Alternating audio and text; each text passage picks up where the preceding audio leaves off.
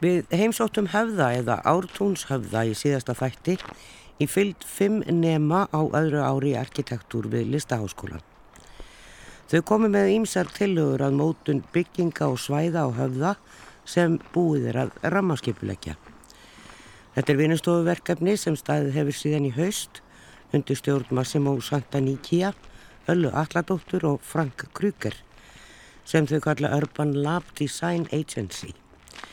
Við höldum áfram í dag og heyrum í tveimur nefnum og Massimo Santaníkja en auk þess segir Björn Guðbrandsson arkitekt hjá Arkís okkur frá rammarskipulæginu og vinnuferlinu sem þegar er hafið.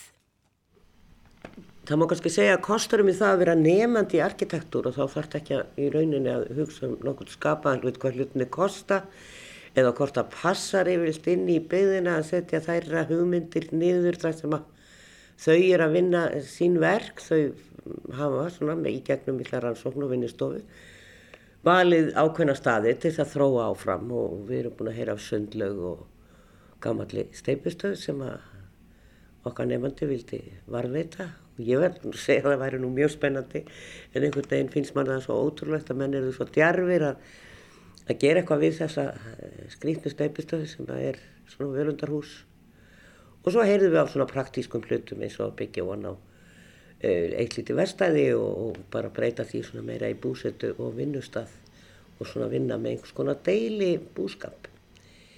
En það eru náttúrulega arkitektastofur að vinna að þessu verkefni sem er náttúrulega, það er það fólk sem að kemur svo til með að, uh, að stýra því hvað þarna verður, það eru arkitektastofur landsins. Eh, Arkís gerði þetta rammarskipulag með landslægi og uh, verkís og sem var vinningstilega sem var samtlegt 2015, hugsaðu ykkur, fimm ár síðan. Og núna er sagt, uh, verið að byrja á deilisskipulagning á hluta á þessu stóra, stóra svæði.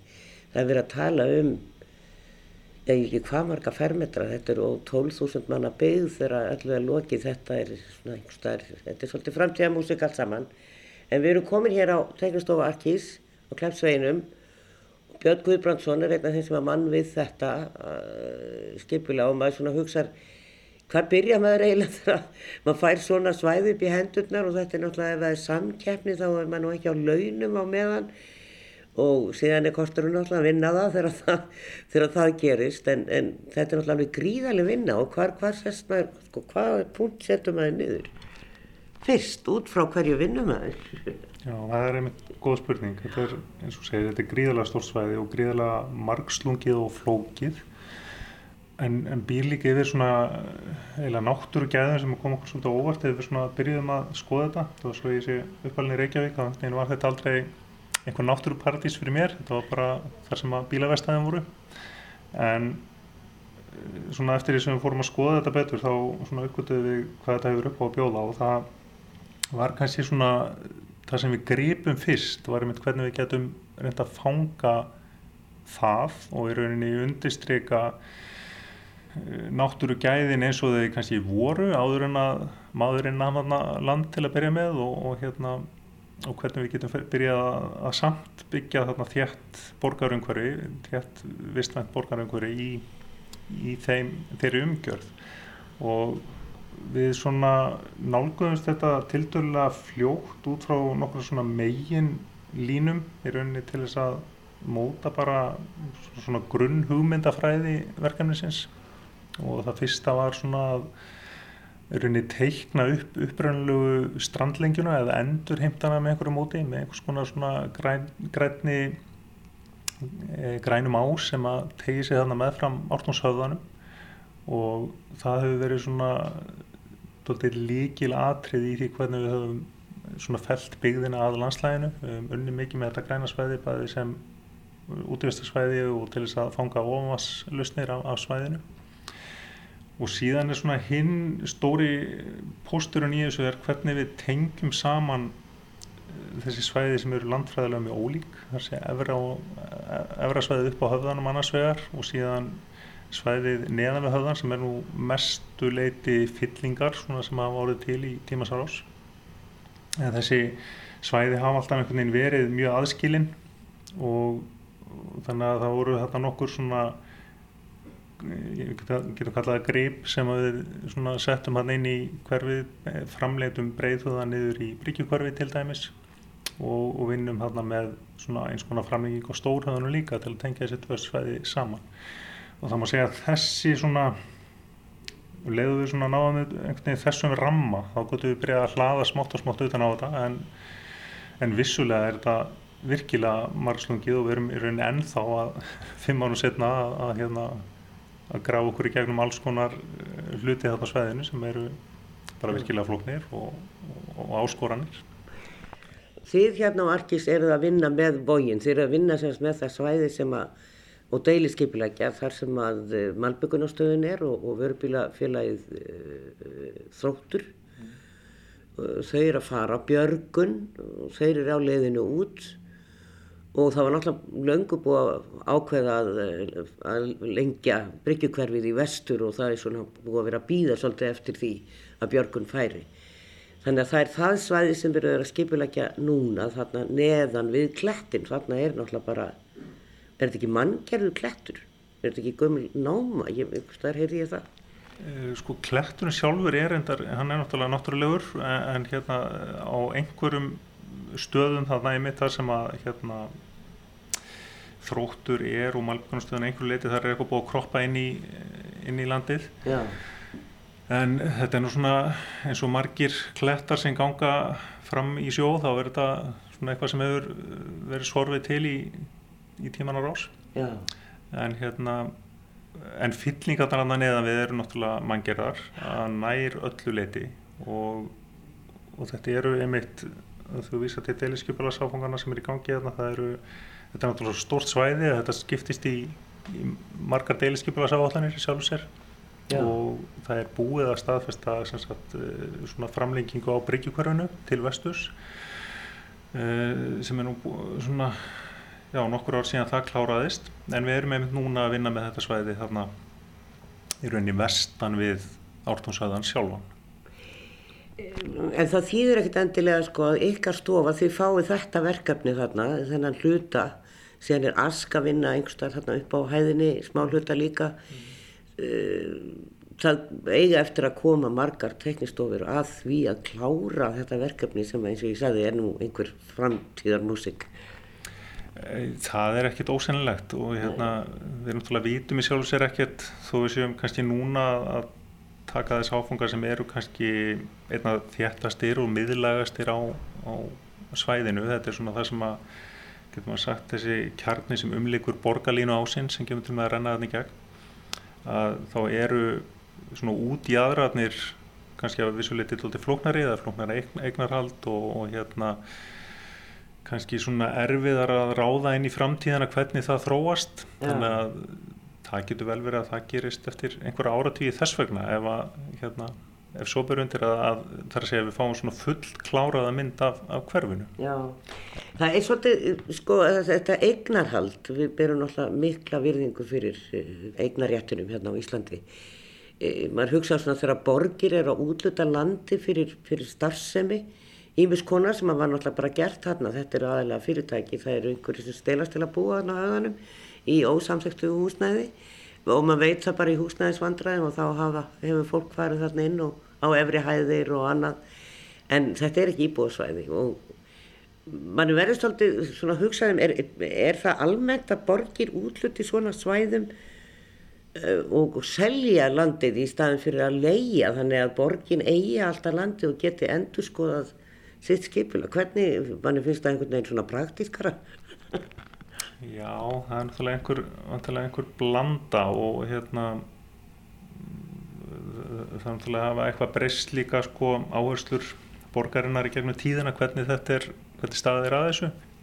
Hins vegar þau svæði sem við erum að vinna með núna, e, þar að segja deilskipalsáfanga, það er fyrst og fremst land sem að eru borgarland og hérna og er svona tilturlega einföld nýting á í dag. Já. þetta eru mikið til svona stór og grófgerð starfsemi sem er kannski ekki endilega æskilegt að hafa inn í þéttu borgaröngurvi þannig að það eru kannski svona eðlilegu fyrstu skrefin til þess að taka. Síðan náttúrulega máli gera ráð fyrir að, að smátt og smátt eftir því sem að, að hérna, hverfið þróast og það verður ásókn í að búa þar og sækja þjónustöðar og vinna þar að, að þá bara skapist líka þrýstingur frá þeim sem eiga til þess að í rauninni þróa sína regnir áfram. Og það getur alveg gerst og rammarskipulegði hugsa þannig að það getur gerst án þess að það þurfa endilega eiga sér stað einhver uppkaup að, að hérna, endilega sko. Að, að hérna að því að þannig eru líka svona tilturlega litlar eignir sem að hérna, samt sem að þeir eiga alveg möguleika að falla mjög vel inn í rammarskipulegið með svona réttri tróun og framtíðanýtingu Það eru ótrúlega mörg húsarna sem eru vinnustæði, bílavestæði og litla prentsmiður og ég veit ekki hvað, hvað húsgagnavestæði, vekstæði og allt mögulegt. En þetta er ekki háhísu, þetta eru kannski tvær hæðir, mestalagi þrjár, það er ein og ein bygging svona í nýjasta hlutanu sem er rýs upp úr þessu. En annars er þetta frekar lárast byggð þannig að það ætti alveg að vera möguleiki að byggja ofan á þessi hús ef þau eru í góðu starti. Já, uh, sko, rammarskiplaði gerir henni ráð fyrir því líka að, að svona eistri hluti rammarskiplarsvæðisins sem að líkur svona e, já, eins og ég segi austur, austur hlutasvæðisins hann er kannski svona hvað þjættasta byggðamestrið í dag og svona tiltrúlega heilega gödumindir og annað slíkt og þar gerum við ráð fyrir að, að hérna, það væri mögulegt að byggja ofan á samkvæmt rammarskiplaðinu þannig að það algjörlega ber það. Og, og það er líka svona einhvern veginn eðlið þess hverfis er að, að kannski þarf það líka bara smá tíma til að svona til að mótast hægt og rólega. Og að því að um leið og við erum komin með þessa þéttari byggð þar sem að, að hérna uh, kannski er meiri möguleikar á svona virkilega þéttri byggð að, að þá smitar það yfir í þessa, þessa fingerðari byggð. Þannig mm. að hérna það er svona vissuleiti ágætt að leifa tímanum aðeins að, að líða til þess að sjá hvernig hverfið þróast. Við kannski eigum þó við getum skiplátt okkur eh, nokkur ára og nokkur ára til fram í tíman þá getur stundum verið ágætt að, að leifa vissum hlutum að, að þróast í róleihitunum og, og taka þá upp skiplæðið aftur fyrir þá hluta. Leifa ég að kvíla þessum tímanum en Við ætlum að kíkja þess að upp til. Það eru nokkru staðir sem ég vil hafa þið með á og svona kannski eh, svona spekular aðeins í því hvað krakkandir eru að leggja til. Mm. Þessi nefnar sem eru bara á öðru ári eða fjögur, fimm ára eftir í námi og, og kannski verða arkitektur að einhverju á þessu svæði í framtíðinni.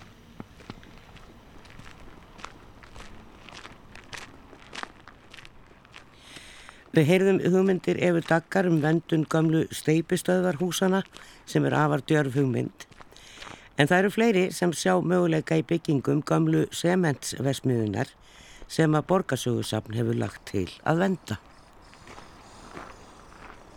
Jæja, það eru margir skemmtilegi staðir hér á höfðanum og svo margt sem hægt er að gera hérna. Þetta er náttúrulega snýst um að, að endur nýta þau hús sem eru. Og hér er stór bygging, fólk veit hvað bryggjukvarfið er og hér sem sagt vestasta í Bryggjukvarfinu og eiginlega við allega vógin er fyrir það ekki björgun. Og hér eru stór síló, steift síló e, tankar e, sem hafa ekki verið í nótkunni í fleiri, fleiri ár. Og það hefur verið rætt um að varveita þessa turna og láta það bara standa. Þetta er svo flott arkitektúr eitthvað. Og þetta gæti verið svo mikið kennileiti hér á staðnum. Og þú heitir Ég heiti Arísefa Viljámsdóttir. Og það eh, var þetta verkefni sem þú fóstu í að endur nýta þessa, þessi síló.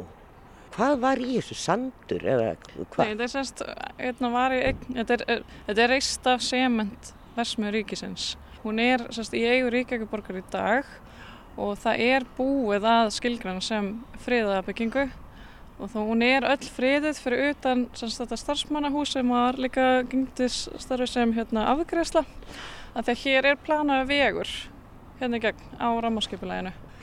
Fólk er mjög samlega hrifið af þessu, það er eh, þessi hugmynd sem þú ert með. Ég hef heilt talað um sveppi sem byggingarefni, Já. byggingarefni framtíðar mm -hmm. og þú ert að segja frá þessu í þínu verkefni myndur þú vilja framlega sveppi sem byggingarefni í þessum sílóum? Nei. En var það meiningin? nei, nei, nei, það var rauninni bara, sko, hún er mjög umdöld þessi bygging, þú segir, nákvæmlega er mjög margir sem vilja láta rýfa þessa byggingu og þessi hérna afgjörðslu kjarni hann fer en þá komum við um svo spurning bara hvað verður um þetta efni og þá komum við hugmyndina hérna hvernig væri að skera hana niður í búta og nota hana í eitthvað skonar innviði eða jafnveg uppusningu þannig að hún endaði svolítið sem grunnur fyrir nýtt hús og það sem við þurftum líka að finna hlutverk þá fannst mér alveg tilvæg að þetta væri nýlistasafn og þannig kom hugmyndina að ok, þá þarf ég kannski að hafa sal og í hva, hvað efni ætla ég að nota það og þá fannst mér bennandi að fara í rannsókn og skoða hvað efni eru í bóði í dag og þar kom ég inn á eins og hérna bioplast sem er á linsubönnum linsubönnum óljum minna ég og síðan dætt inn á þetta með síljum sem er þessi svepp og þræðir sem eru blandaðir á alls konar lífefni eins og sag og þá er hægt að hérna, láta það að vaksa og það er að mynda í alls konar form og kuppa og þetta er gríðarlega sterk byggingrafni. Þeir þeir eru sterkar en steipa, þeir eru eldvarnalagaðum, þeir eru miklu hérna, varnir og þeir standast alls konar veður. Þannig að mér fannst svona tilvalið bara að nota þetta og nota tækifæri til þess að hérna, leika mig með eitthvað nýtt og sína fram og þetta er möguleiki og þetta er líka leið í sjálfbarni. Það, það er hægt að hérna, vinna þetta hérna heima og ég hef heist að það er eitthvað byrjar á því að svona eitthvað að pröfa að grúska sig áfram sko. Það, það væri mjög forvöld að heyra meira af þessu því að ég hef heist þetta nefnt í nokkur skipti en aldrei sko heist sko kostnaðamun til dæmis Já. að því ef þetta er sterkar en steipa og ef þetta er miklu varsla í þessu efni að, að þá er þetta náttúrulega bara tilvalið að byggja úr því að það er umhverfisvænt. Já, þetta er mjög umhverfisvænt líka það máta að sko þegar líftum byggingin er búinn það er mjög auðvelt að setja þetta í multigarð. Já. Þannig að þetta er, já, þetta er mjög spennandi efni og framtíð. Já, framtíð þessu. Við, við sáum, eða þú sýnir smávegis af þessu inn í þessum sílóum. En, en samt segiru, þú, sem sagt, í þenni tillögu er þetta þá einhvers konar samt?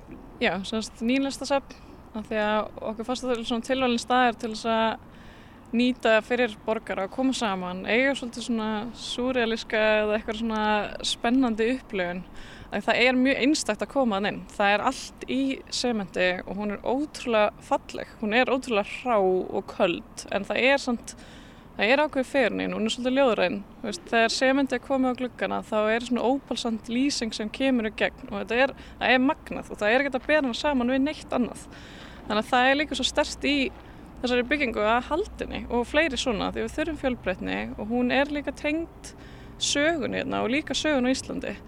Að hún, hérna, hún er tengt sögun á Íslandi út frá, hún er mjög symbolísk fyrir svona borgarlega uppbyggingu.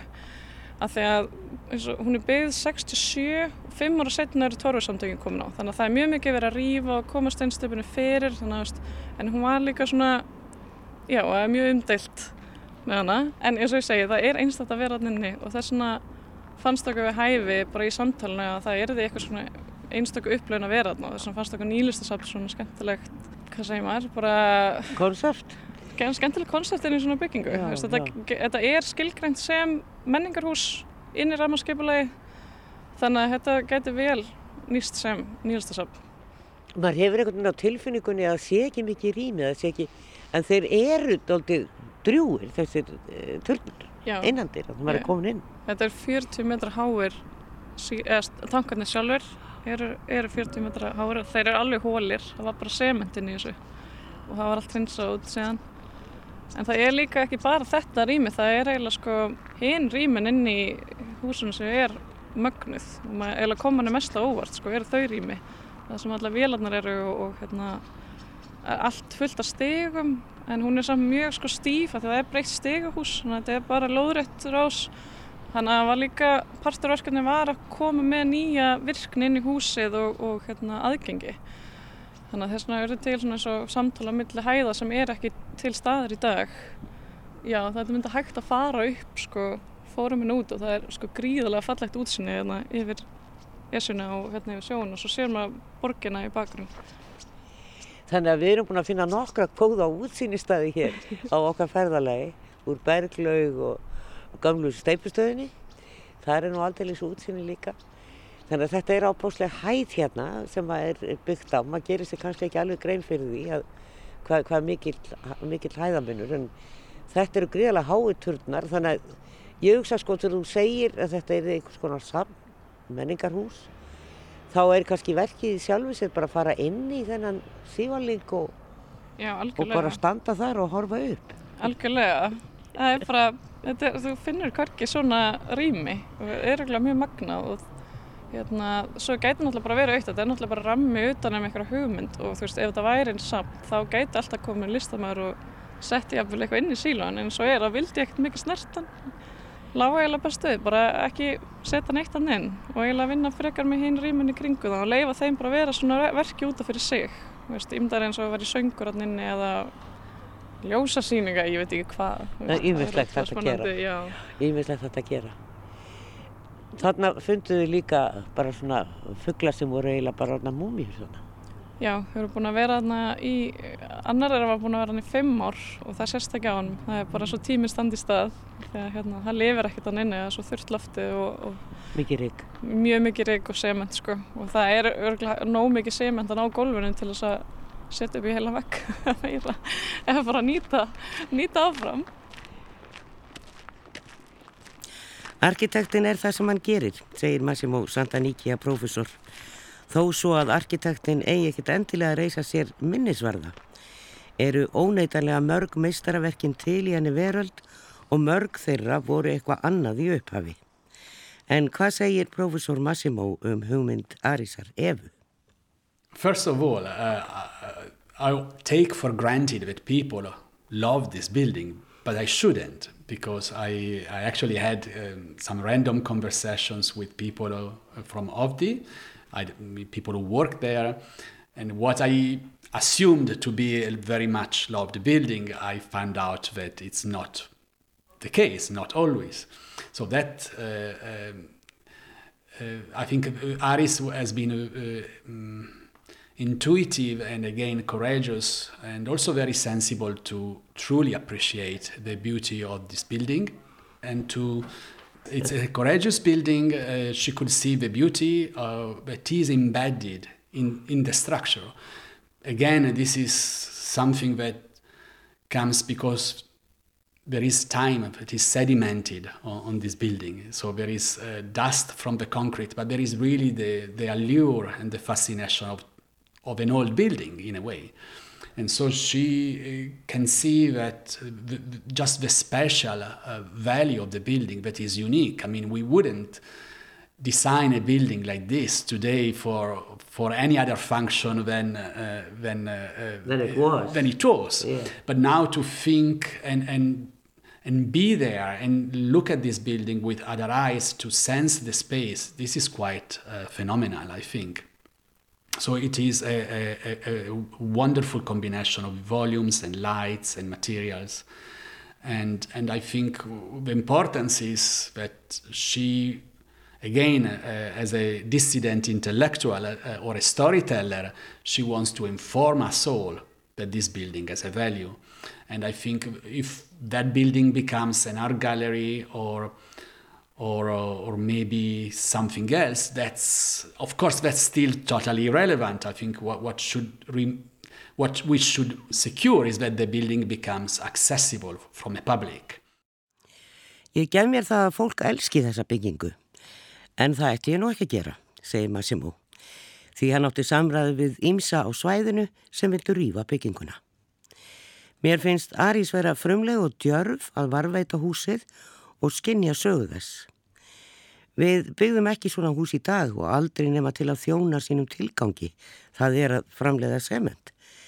En sambland rýmis, byrtu, efnis og sögu segir Arís okkur að byggingin er einhvers virði. Hvort sem húsið er þið galleri eða eitthvað annað skiptir auðvitað máli en fyrst og fremst verður það að vera aðgengilegt almenningi.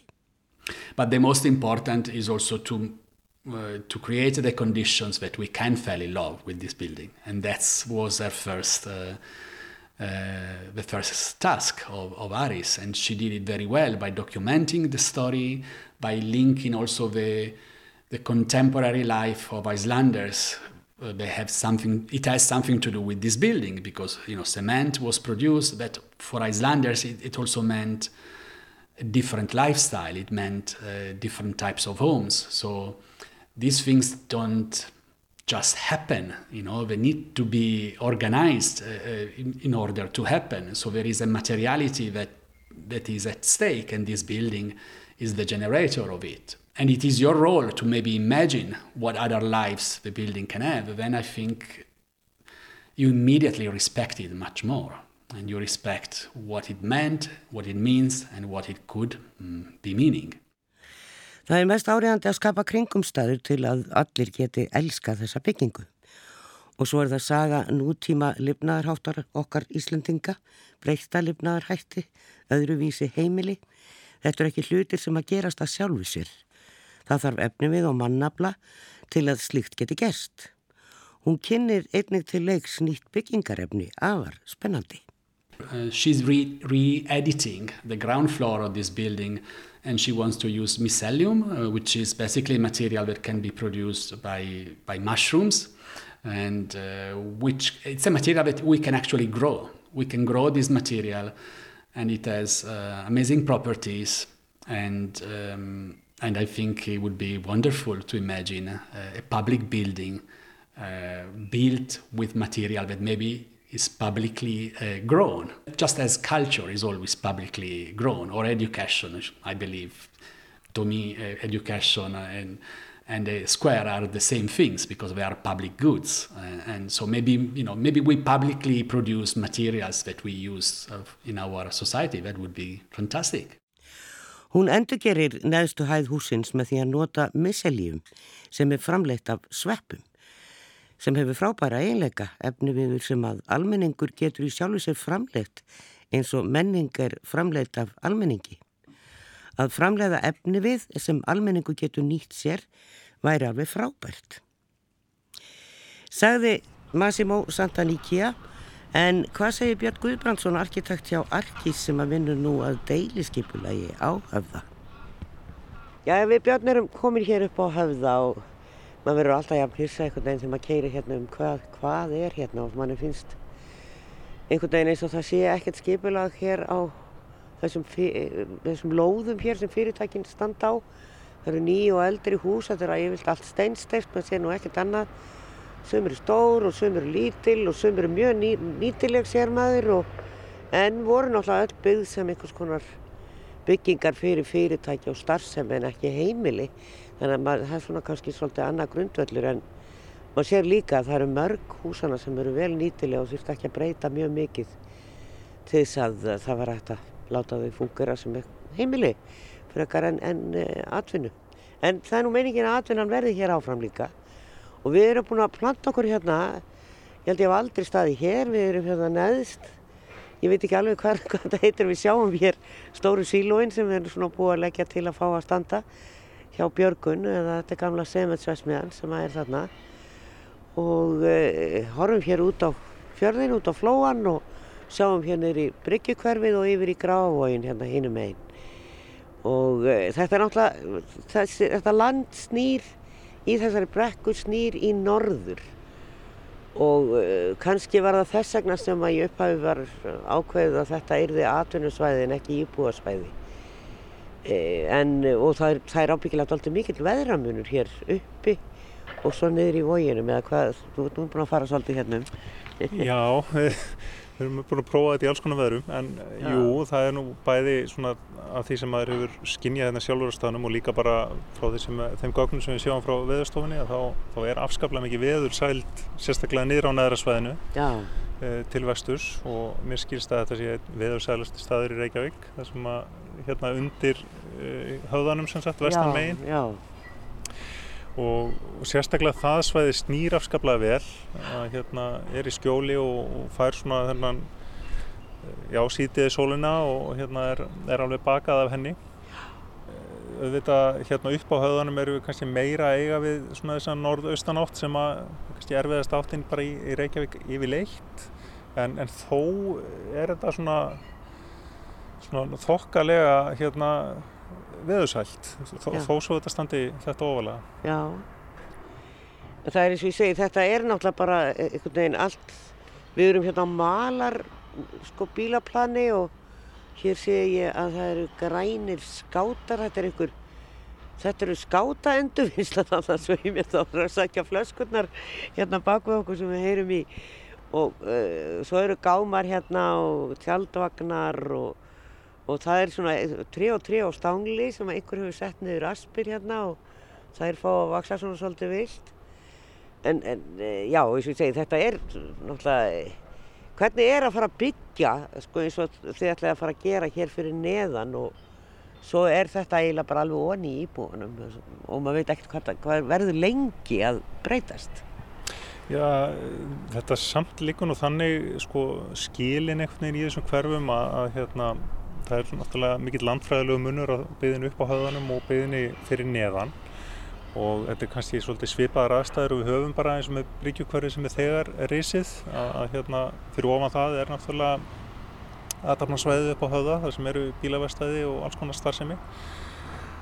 Uh, og svo sem hefur alveg geta lifað ágætið samlífi fram að þessu.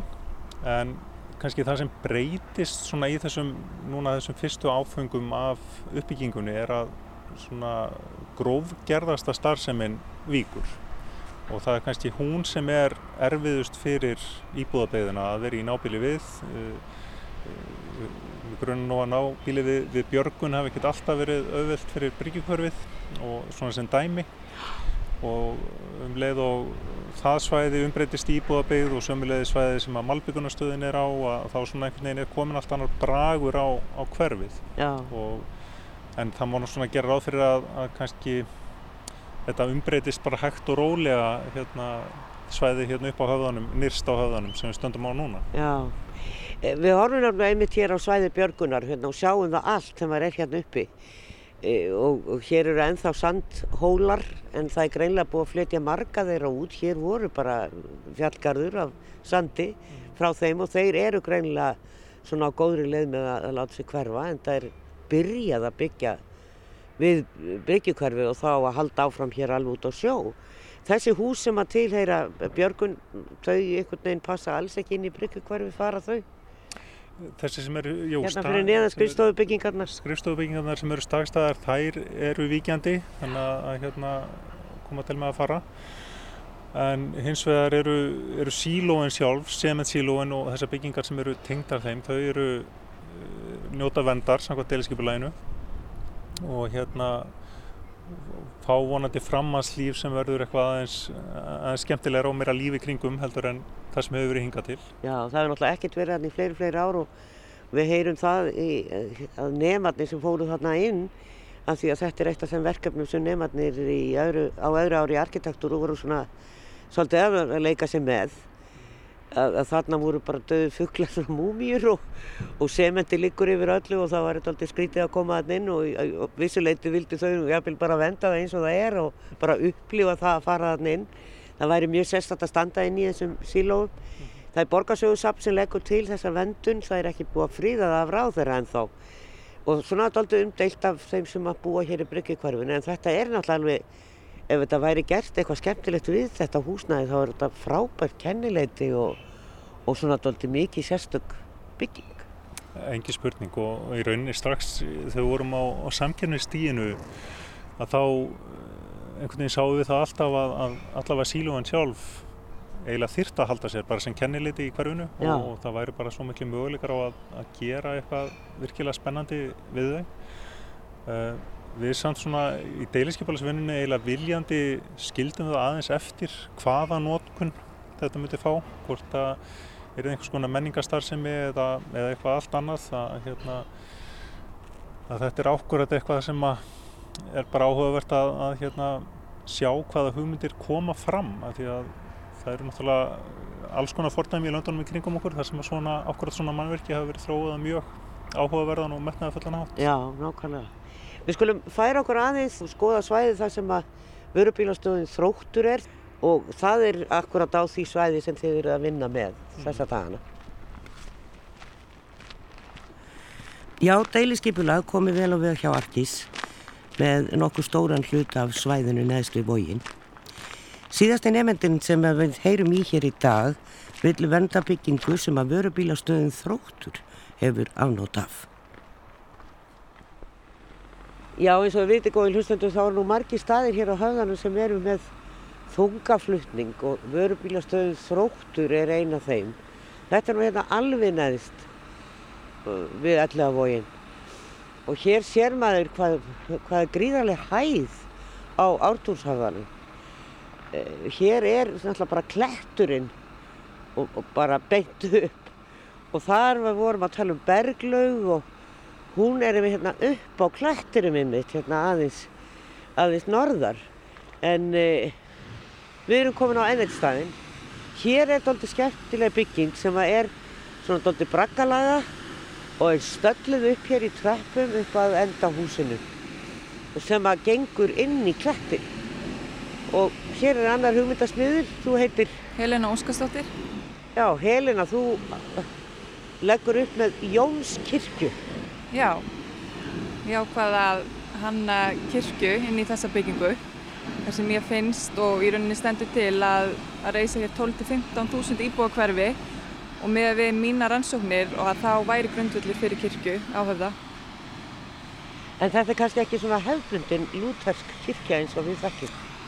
Nei, en ég leitaði svo sem heldur ekkert eftir því að hafa hann eitthvað svona óhefðbundna en uh, ég sótti mér innblástur í sögu eftir Haldur Lagsnes, kristnihald undir jökli og kirkjan heitir þess vegna Jónskirkja þar sem hans byggi var í rauninni sko kirkjan sjálf, byggingin, hann syndi henni ekki.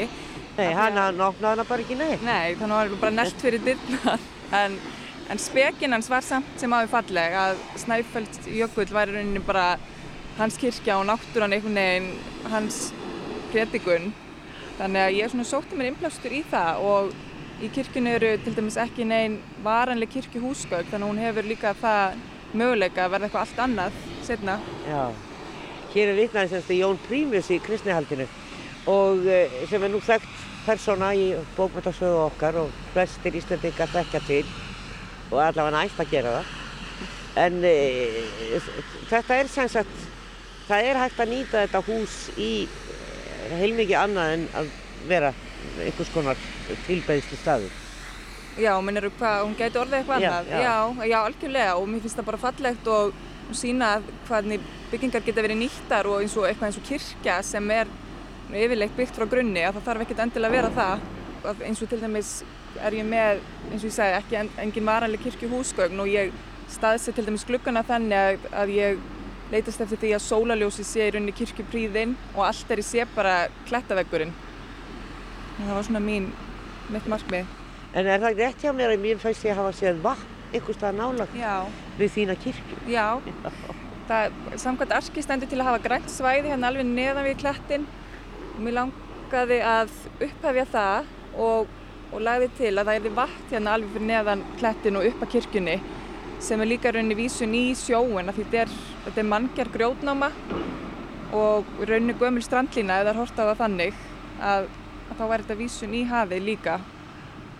Þegar þú varst að velja þér hús, þetta er svona endurnýting í, í allum þessum verkefnum. Þetta er ekki niðurif og uppbygginga einhverju nýju, þetta Já. er endurnýting. Eh, Fjælstu fyrir þessu hús? Já, Mér finnst það mjög sérstaklega líka af því leiti eins og þú sagðir að það tengir efri og neðri byggðina. Og þú getur í dag gengið inn um það á efri byggð og það er þetta búið að loka fyrir stegan en áður gastu gengið út um hana á neðri byggðinni. Þannig að mér fannst það og hvernig hún trappast upp þetta er mjög sérkennileg bygging og myndi mér rauninni áður en ég ákvaða hana kirkju myndi hún mig á kirkju. Það væri gaman ef henni væri haldið. Þið unnuðu þetta samt, þetta er ekki þannig að einstaklingsverkefni beint Við unnum þetta mikið í saminningu.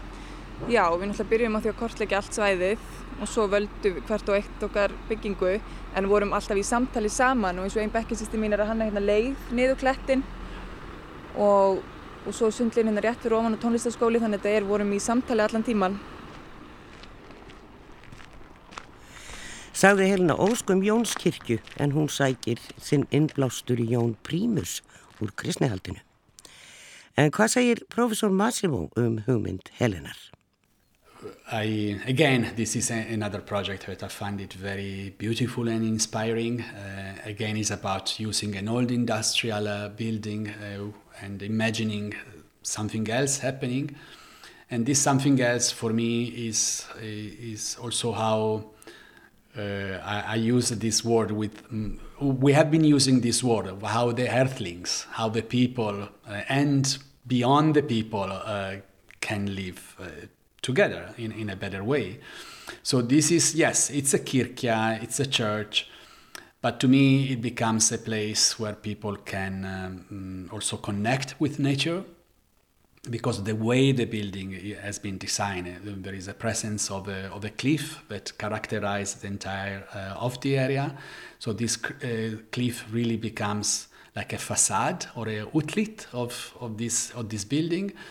And there is a presence of water, water that is col- uh, collected in the area, that also becomes a pond where birds can nest, where in a way seasons can be observed and the, how the, the following of the seasons this is a very poetic project. I mean, it is um, about um, uh, really working with um, with the love and respect that we should have towards nature. So therefore, uh, it, it, even though the name is church, and then we, of course, it's it's dense of meanings. We think of religion, we think of uh, Christianity but it's also as um, as Primo says, it's also uh, um, nature is my altar at the end because without nature we wouldn't be here to begin with. So there is this again respect uh, towards nature that I find it extremely important to cultivate now more than ever. Þetta er enn eitt verkefnið sem að mér finnst bæði fallegt og áhrifamikið. Aftur er verið að nýta gamla byggingu sem lokið hefur sínu hlutverki. Vissulega talar Helena Óskum kirkju en þessi hönnun tengist náttúrinni sterkum böndum, virðingu fyrir náttúrinni. Kletturinn verður hluti af byggingunni og eins og Jón Prímus segir í bókinni, náttúran er alltarið mitt. Mjög ljóðræn útfæsla með vatni, fugglalífi og upplifun ástíðana, segir Massimo Santaníkja. Það er frelsi á námstíma, frelsi til að leika sér með hugmyndir og möguleika. En hvað eru deilu skipulags höfundur að hugsa varðandi þessa lóð? Já, það eru, eru við enn og aftur komin hér að þrótti vörubílastöðinni og svo er malbyggunastöðinni hér við hliðina og þetta er náttúrulega, og þetta er alveg hérna niður í vóginum. Þeir eru með sína stóru trukka og, og fullt fullt af svona þungum bílum og vörubílum og og uh, klætturinn hérna fyrir ofan sem að, maður svona ímynda sér að getur nú verið indislegt byggingasvæði og gott að búa þarna og það er beint í vestur. Og síðan var nú hugmynd eins nefndans var að breyta þessu húsi þrótt eða þróttar í kirkju eða einhvers konar samkomhús. Já, ég, þó að það er ekki kirkja eða hvað þetta, þetta er alltaf svolítið sérstök bygging. En þetta er, er bara grindarhús er það ekki Jú, þetta er svona nokkus konar braggi eða, þannig, stálknindarhús og hérna jújú, jú, vissulega mjög svona óveinulegt byggingaform og, og hérna það getur alveg séð alls konar möguleika til að nýta þetta hugsanlega. En uh, og, og það, það er svo sem eitt af því sem að hérna hafi verið rætt hérna um þessi maðurki hérna á svæðinu en, en svona í stóra samminginu þá hefur svona verið hort freka til þess að, að nýta okkur þetta sveið með öðrum hætti?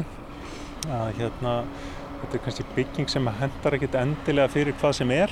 Að hérna hún þyrta að taka á sig einhvers konar svona eh, almenningsnótkun þyrta að vera einhvers konar ofinberbygging með einhverju, einhverjum hætti vantanlega eða atvinnuhúsnaði og við erum akkurat hérna í, í miðju þess svæði sem er þar sem íbúðabyðin er kannski hvað þéttust og, og svona mesti getur við sagt hreinleikin íbúðabyðin það er svona tilturlega lítil blöndun í byðameistrinu samkvæmt rammarskipulæginu þannig að svona niðurstaðan var að, að hérna eða allavega eins og til aðeins núna á, á vinslustíi að, að vera ekki að elda þetta endilega sem mannverki þetta var ekki svona eitt af því sem að borga mat sem, sem hátt vendagildi en hérna vissulega aðteglisverðbygging og, og bara gaman að velta fyrir sér þessum möguleikum. En e, kletturinn hérna eins og ég hafði orð á eh, hér í upphafið, þeir eru nú ekki komnir þangað en það er, er viðsvælt hérna niður í vógin mm -hmm. og uh, þetta er svona stolti skjólveggur fyrir austanáttinni og söðaustan hérna niður á í vóginum. Já, engi spurning og undir þessum klett einmitt sjáum við fyrir okkur uh, græntsvæði, svona útvistarsvæði sem er sömulegði svona hlutið að þessari regnvatskeðju sem við erum svolítið að vinna með hérna bara á rammarskipilarsvæðinu öllu. Hérna erum við að síja vatnið áður en það rennur til sjávar og við sjáum fyrir okkar að, að hérna, einmitt þessi klettur og, og svæði hérna undir honum getur orðið að, að virkilega skemmtilegu svona, landslægi sem, sem nýti sem útvistarsvæði fyrir, fyrir íbúa. Já, svo að við snúum okkur við þá sjáum við náttúrulega ekkert um að vörubíla núna. Það er allt fullt af vörubílum en það er þetta vörubílastöð. En við erum með vógin hérna hínum einn og, og það eru eh, kemur náttúrulega borgarlínubrú hérna yfir, það er þegar gungubrú hérna yfir, falleg brú og, og eh, en eru, það verður engin landfylling hér eða, einhverju leiti eða hvað? Ekki til vesturs, við erum í rauninni núna að horfa í óttað girsnefinu uh, sem er náttúrulega landfylling sem er svona kannski Já, svolítið spurning hvað er í henni. En Já. í öllu falli þá er það svona landfylling sem að menn hef ekki vilja farið að, að raska. En, en við sjáum gersniði fyrir okkur í rammarskiplæðinu sem eh, svona borgargarð til framtíðar. Þarna getur verið eh, útífestasvæði fyrir bæði þetta hverfi og sömulegis fyrir voðabiðana hinnum einn þannig að, að hérna, þetta verður svona eins konar lunga fyrir, fyrir svæðið en við erum aftur á móti að hugsa fyrir mögulegum feitlingum frekar til norðurs sem eru þá meira tengdar í rauninni Bryggjökverfinu sjálfu En það er, kannski svona í lokinu, þá er eh, skólabygging sem er gert ráð fyrir í vóakverfinu á einni af þessum eigum sem er út í vóginum og, og þið eru náttúrulega að gera ráð fyrir skólabyggingum hér því að þetta náttúrulega verður fjölmönd í vóakverfi. Já, við erum að gera ráð fyrir nokkrum skólabyggingum hérna inn á Ramarskipalsvæðinu og hérna okkur að nálagt þar sem við stöndum núna er, er gert ráð fyrir eh, semst, eldri deilda grunnskóla Eh, svona eins konar það sem er kallað SAP-skóla eh, þannig að það verður eitt slíkur hérna inn á svæðinu og í rauninni er gert ráð fyrir þremur yngri deildar skólum sem að Náttúr 12 ára þá? Já, eða, eða jafnvel sko ölliti yngra þannig að það verður jafnvel 10 ára og, og síðan Og síðan yfir í SAP-skólan? Já, já ég skil, ég skil En hérna, já þetta er allavega, við erum í rauninni að hugsa fyrir sko fjórum skólalóðum á, á rammarskipula svæðinu eins og það stendur núna. Já. Er eitthvað verið að reka á eftir ykkur? Að drífi í þessu eða hvað, hvað þurfum við að vinna hratt? Já, það, það er, jújú, jú, það er alveg verið að reka á eftir ykkur núna, eh, vissulega, og hérna það stefnir nú allt í það að þeir deilskipula sáfangar sem er í vinslu núna, þeir geti farið í, í kynningu í, í sumar. Sagði Björn Guðbrandsson, arkitekt hjá Arkís. Já, það var spennandi að kafa aðeins ofan í verkefni hjá nefnum í arkitektúr við Listaháskólan. Urban Lab Design Agency vinnustofan hefur verið í gangi í langan tíma í skólanum þar sem allar deildir koma við sögu. Að þessu sinni var verkefnið á höfða undir stjórn Massimo Santanicia professors, Öllu Alladóttur og Frank Kruger. Verkefnið er á lífi á netinu hvað sem annars verður um það en slóðin er Urban Lab Design Agency einu orði punktur cargo með c.site með s-i brotastrygg. Og þar er hægt að skoða verkefni allra nefndana, auk upplýsinga um eitt og annað sem kom við sögu í þeirra rannsóknarvinnu. Verðið sæl að sinni.